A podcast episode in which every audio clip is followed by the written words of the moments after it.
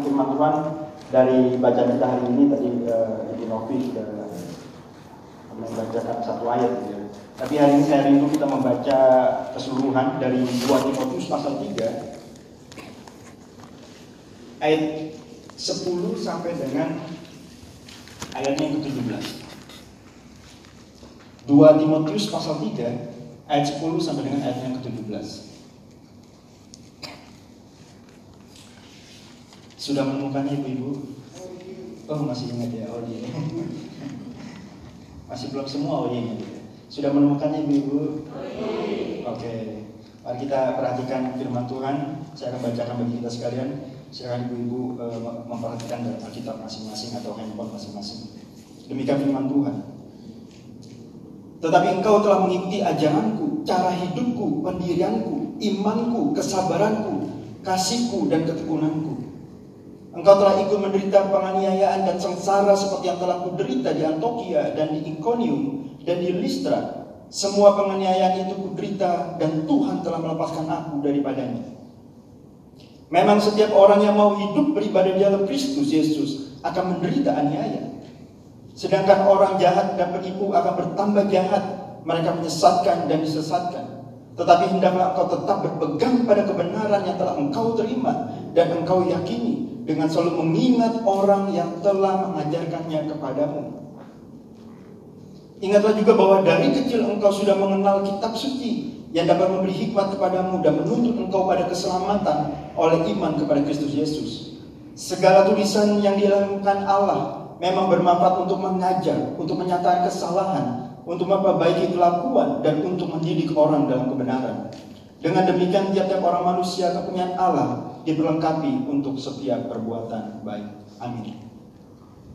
Ibu-ibu yang dikasih dalam Yesus Kristus, beberapa waktu lalu uh, saya sempat uh, membahas dalam ibadah umum itu uh, kesaksian, uh, bukan kesaksian ya lebih tepat uh, wawancara antara Pinkan Mambo, tahu Pinkan Mambo ya?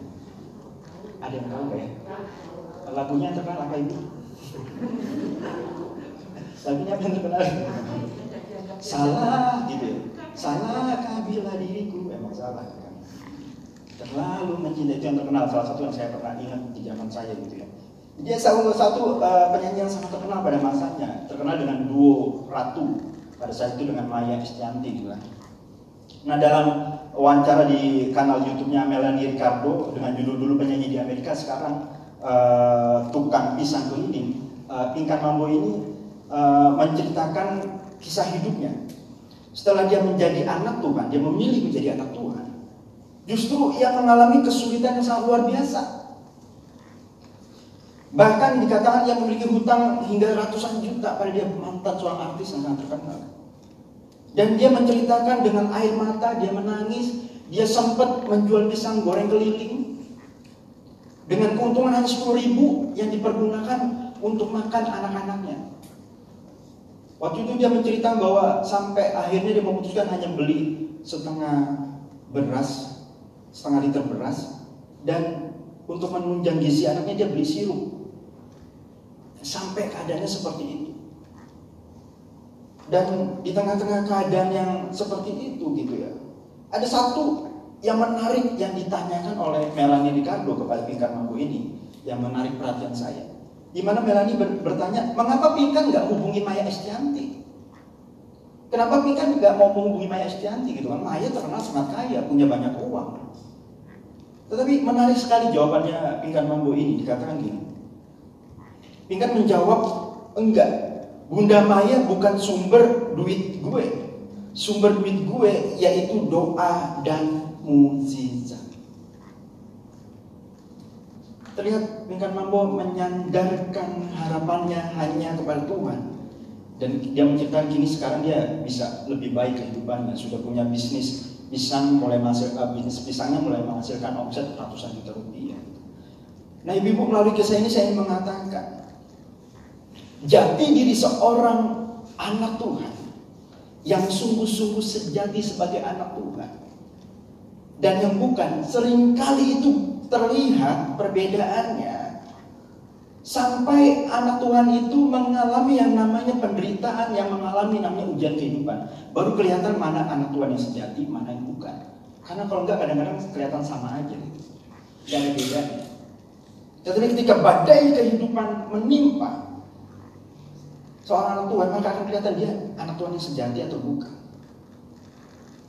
Nah, melalui hal inilah juga yang saya lihat dari bagian firman Tuhan yang kita baca tadi. Di mana kalau kita memperhatikan bagian firman Tuhan dalam 2 Timotius pasal 3 ini ayat 10 sampai 17. Di situ terlihat orang-orang percaya dan Timotius sedang menghadapi dua tantangan yang cukup serius. Penganiayaan ayat 11 dan 12 dan penyesatan.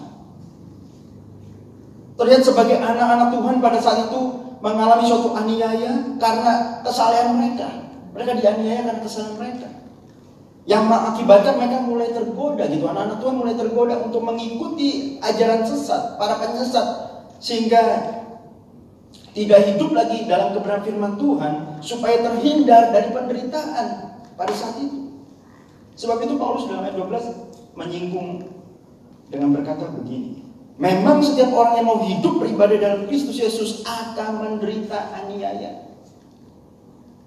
Nah di tengah-tengah keadaan yang seperti itu, di mana banyak anak-anak Tuhan yang mulai meragukan firman Tuhan dan hidup dalam ketidakbenaran karena tekanan dan penderitaan hidup yang dialami. Rasul Paulus berpesan kepada Timotius dan pada pembaca suratnya pada saat itu dengan berkata, tetapi hendaklah engkau tetap berpegang pada kebenaran yang telah engkau terima dan engkau yakini. Perkataan ini seakan-akan yang mengatakan kepada setiap anak-anak Tuhan. Menjadi anak-anak Tuhan memang tidak mudah. Ada resiko, ada penderitaan yang harus ditanggung. Bahkan ancaman aniaya.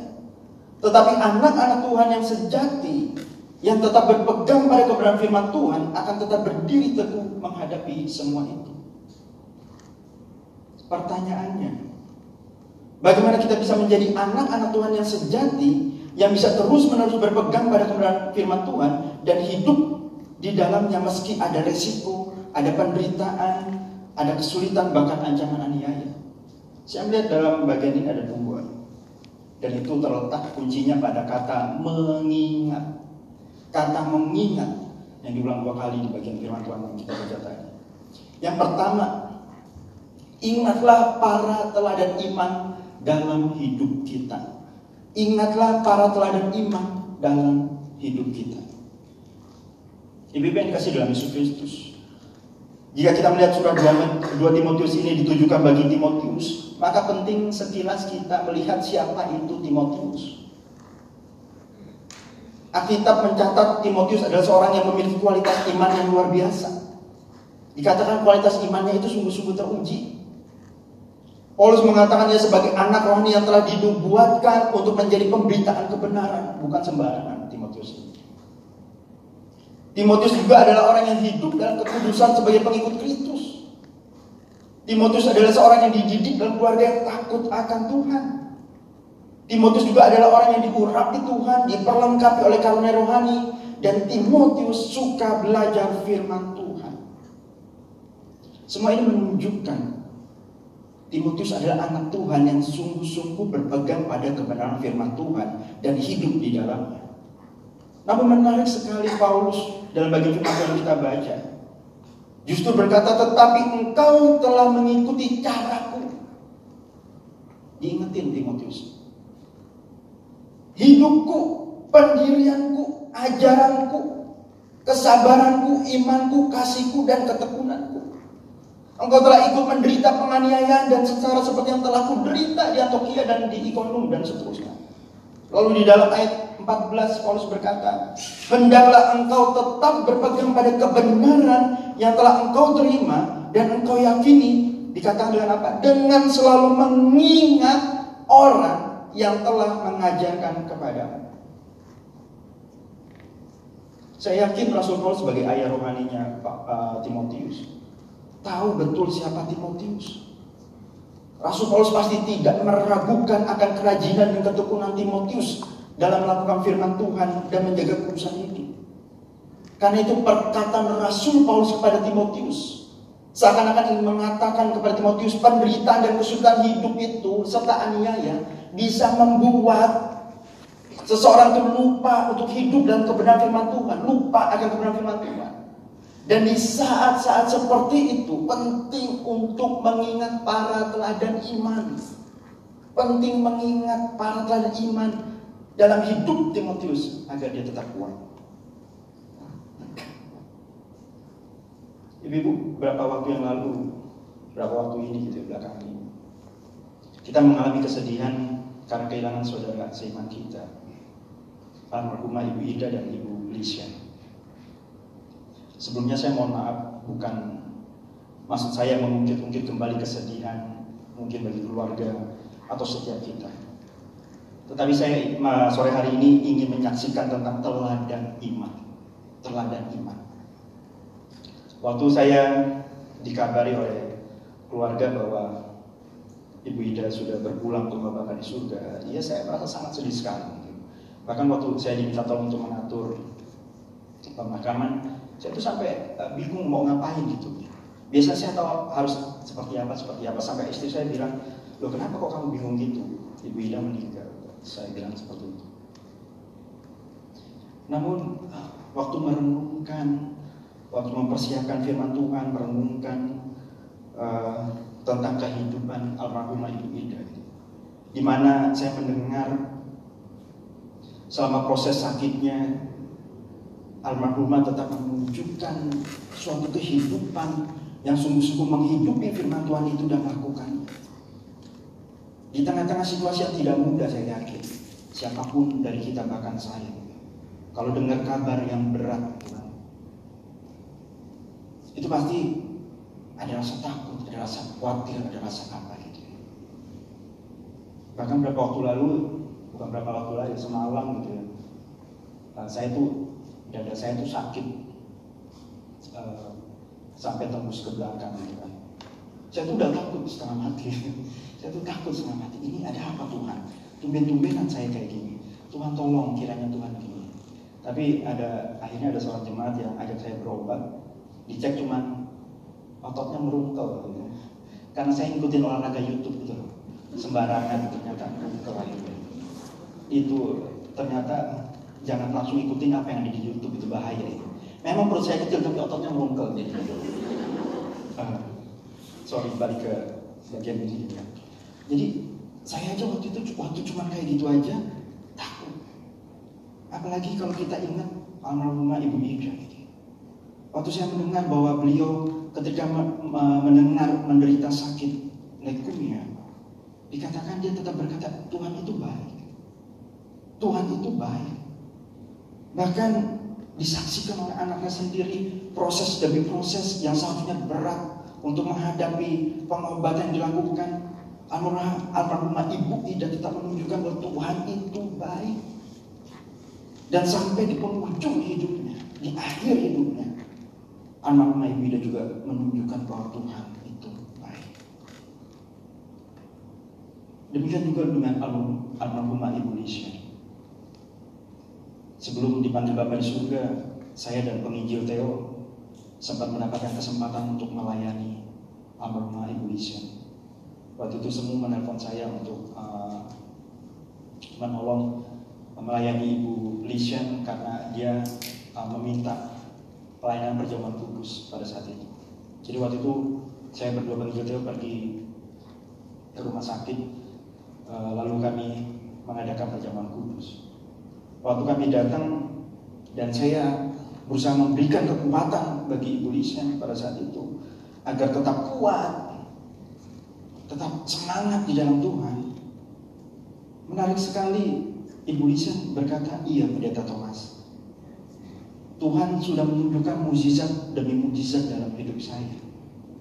Karena itu saya menyerahkan semuanya kepada Tuhan. Dia sangat tenang sekali. Di saat keadaan yang tidak mudah, di saat sakit yang sedang dialami, almarhumah mengingat akan kebaikan Tuhan, akan mukjizat yang pernah Tuhan perbuat dalam hidupnya dan itu memberi kekuatan bagi beliau untuk menghadapi sakit yang dialami dan menyerahkan semuanya kepada Tuhan yang tahu yang terbaik bagi dia. Ibu-ibu melalui kesaksian ini, saya bukan mengajak kita untuk mengagungkan manusia, tetapi saya mengajak setiap kita untuk mengingat teladan iman orang-orang yang sudah Tuhan tempatkan di dalam kehidupan kita.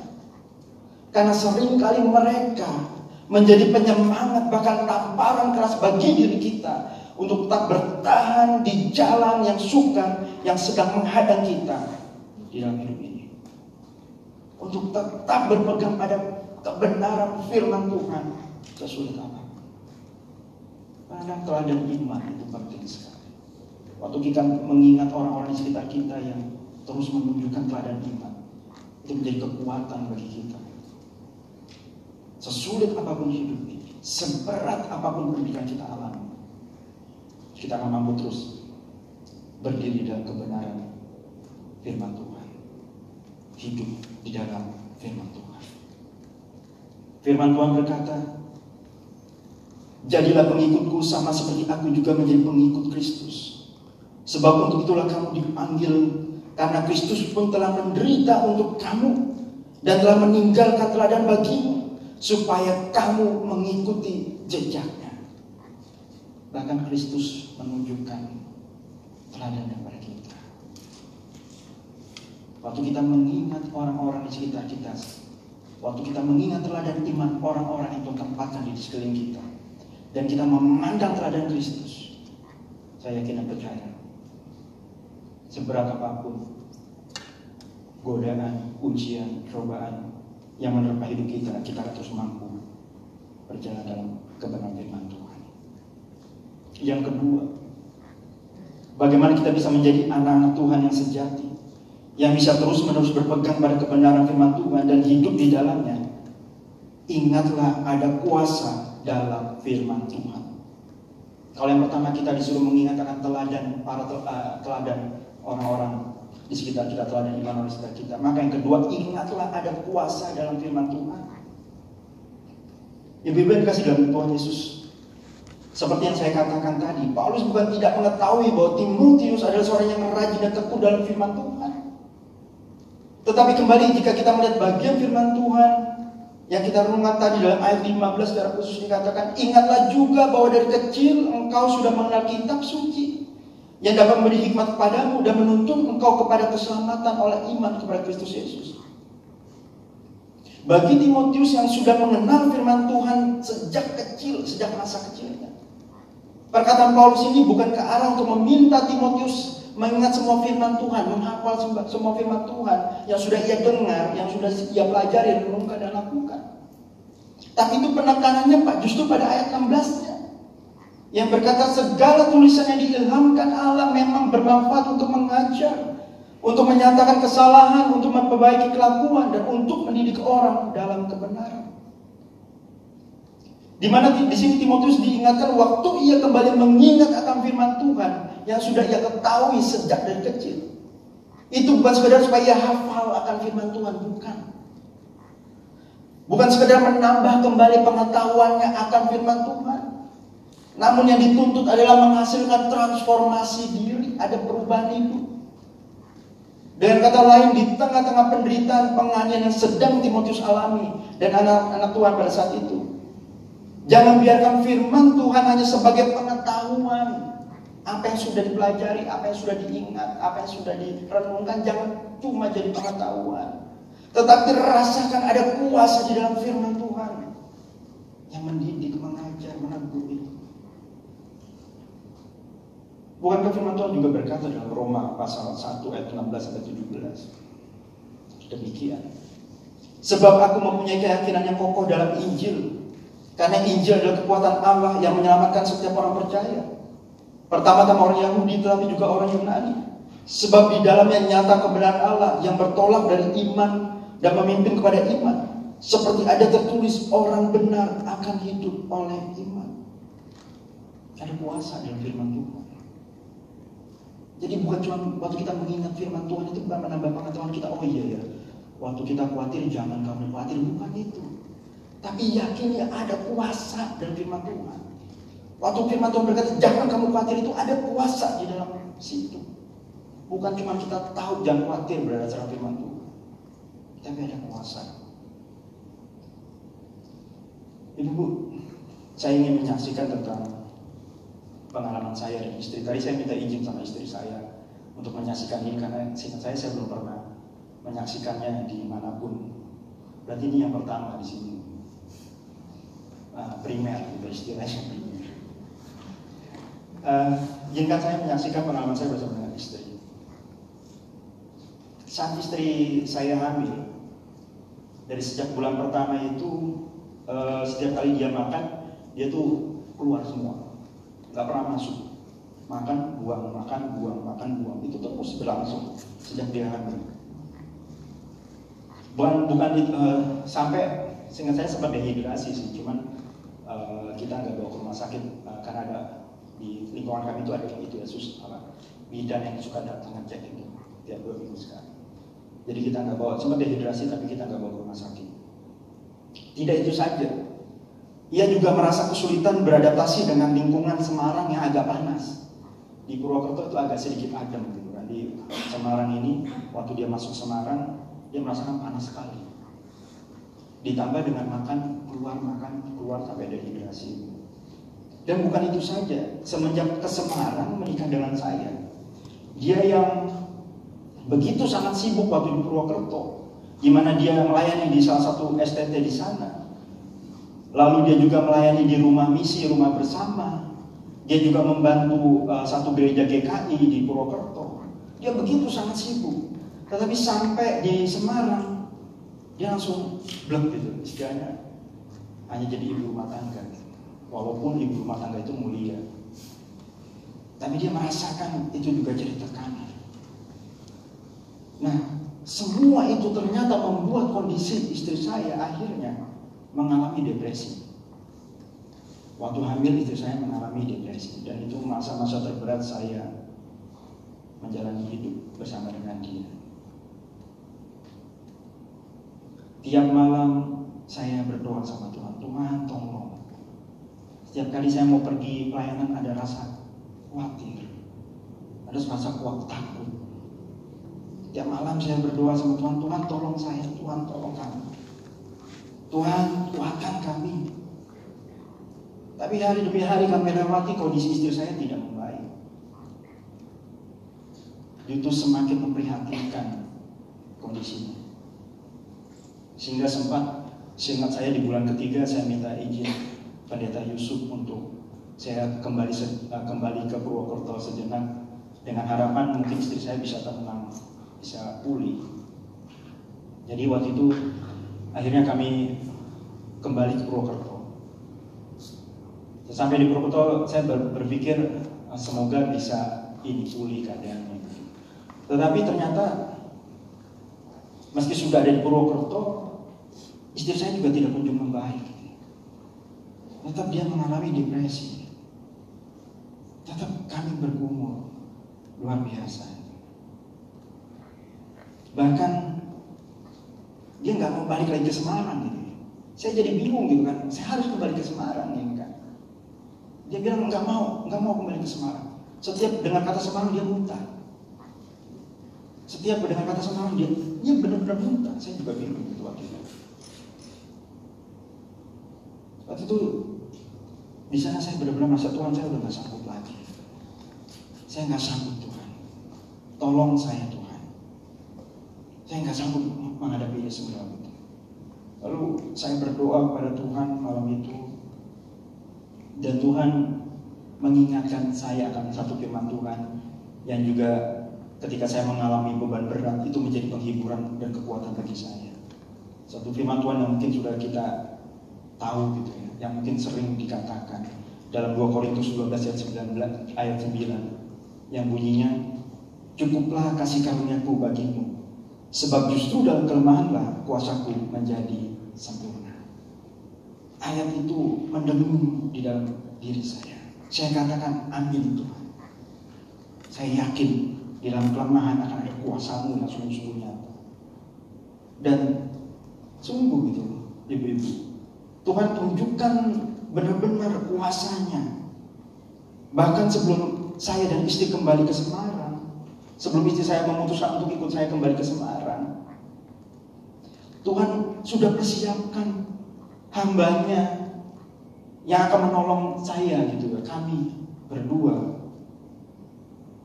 untuk menghadapi masa-masa sulit itu. Saya ingat sekali, saya ingat sekali. Saya tidak pernah menceritakan pergumulan saya ini kepada siapa pun. Saya hanya bercerita sama Tuhan. Tapi saya ingat sekali waktu itu, waktu saya tidak sanggup lagi. Waktu saya berkata, saya yakin bahwa dalam kelemahan saya ada kuasa Tuhan.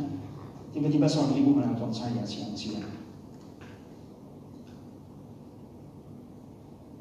Seorang ibu yang menjadi jawaban doa saya. Yang berkata, Pastor Thomas, saya siap membantu. Saya siap membantu. Singkat cerita, sesampainya di Semarang, ibu yang menawarkan bantuan ini lalu kayak membuat program untuk istri saya gitu.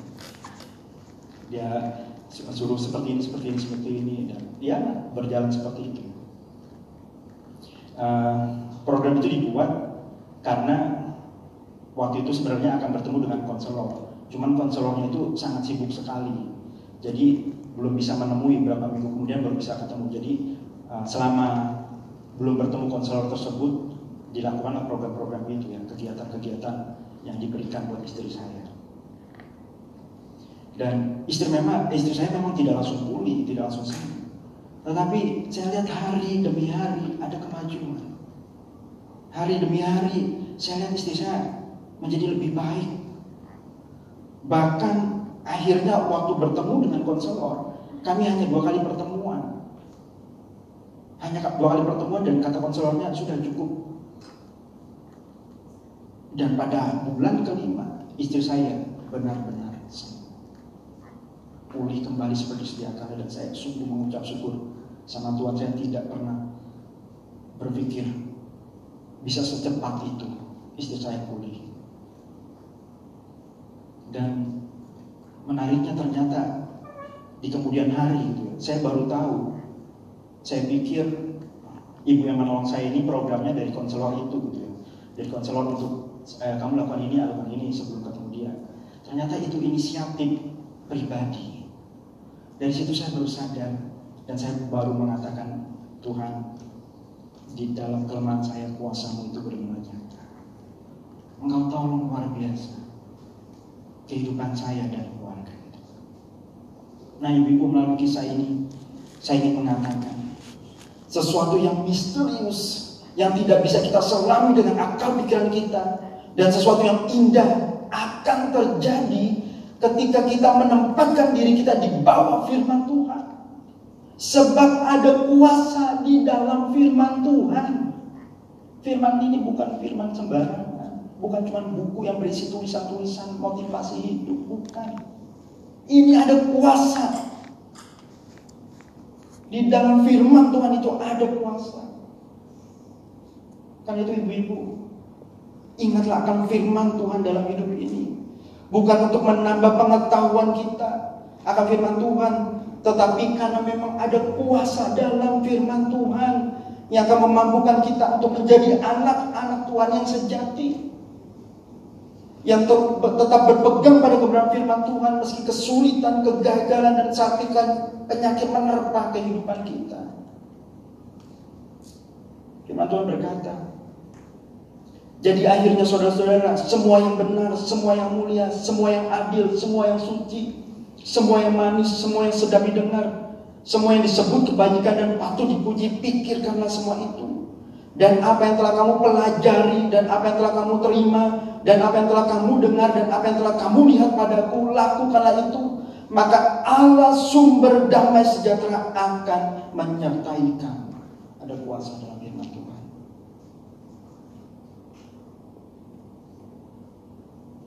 Karena itu saat ini kalau kita mengalami pergumulan yang sangat berat, kita mengalami mungkin beban yang sangat berat yang mungkin kita tidak bisa katakan kepada siapa pun. Ingat, firman Tuhan itu punya kuasa. Di dalam firman Tuhan itu ada kuasa yang akan memampukan kita menanggung segala sesuatu di dalam Dia yang memberikan kita kekuatan. Inilah dua hal yang bisa saya bagikan sore hari ini. Bagaimana kita bisa menjadi anak-anak Tuhan yang sejati yang bisa terus menerus berpegang pada kebenaran firman Tuhan dan hidup di dalamnya meski pada hidup menerpa. Pertama, ingatlah para teladan iman di dalam hidup kita. Dan yang kedua, ingatlah ada kuasa dalam firman Tuhan. Amin. Mari kita berdoa. Ya Tuhan Yesus kembali hamba datang kepadamu Tuhan. Terima kasih untuk renungan singkat yang boleh kami renungkan pada sore hari ini. Biarlah apa yang kami renungkan juga sungguh meneguhkan setiap kami. Kami sadar betul di dalam menjalani hidup-hidup kami, kami tidak terlepas dari namanya kesulitan, penderitaan, permasalahan, bahkan mungkin aniaya karena mengikut Engkau Tuhan. Tapi firman-Mu iya dan amin Tuhan. Firman-Mu yang akan memampukan dan meneguhkan setiap kami Tuhan. Karena di dalam firman-Mu ada kuasa. Dan di dalam firman-Mu kami melihat orang-orang teladan-teladan iman tetap mampu berdiri teguh menanggung segala perkara dalam hidupnya tidak mudah karena firman Tuhan. Dan itu biarlah sore hari ini kau menolong setiap kami para ibu-ibu ada tempat ini agar sungguh-sungguh menjadi ibu-ibu yang berpegang teguh pada firman yang terus haus mencari firman yang terus mempunyai waktu untuk bertekun dalam firman karena di situlah kekuatan hidup kami Tuhan tolong kami beri belas kasih bagi setiap kami. Di dalam Yesus kami berucap syukur. Amin. Saya serahkan.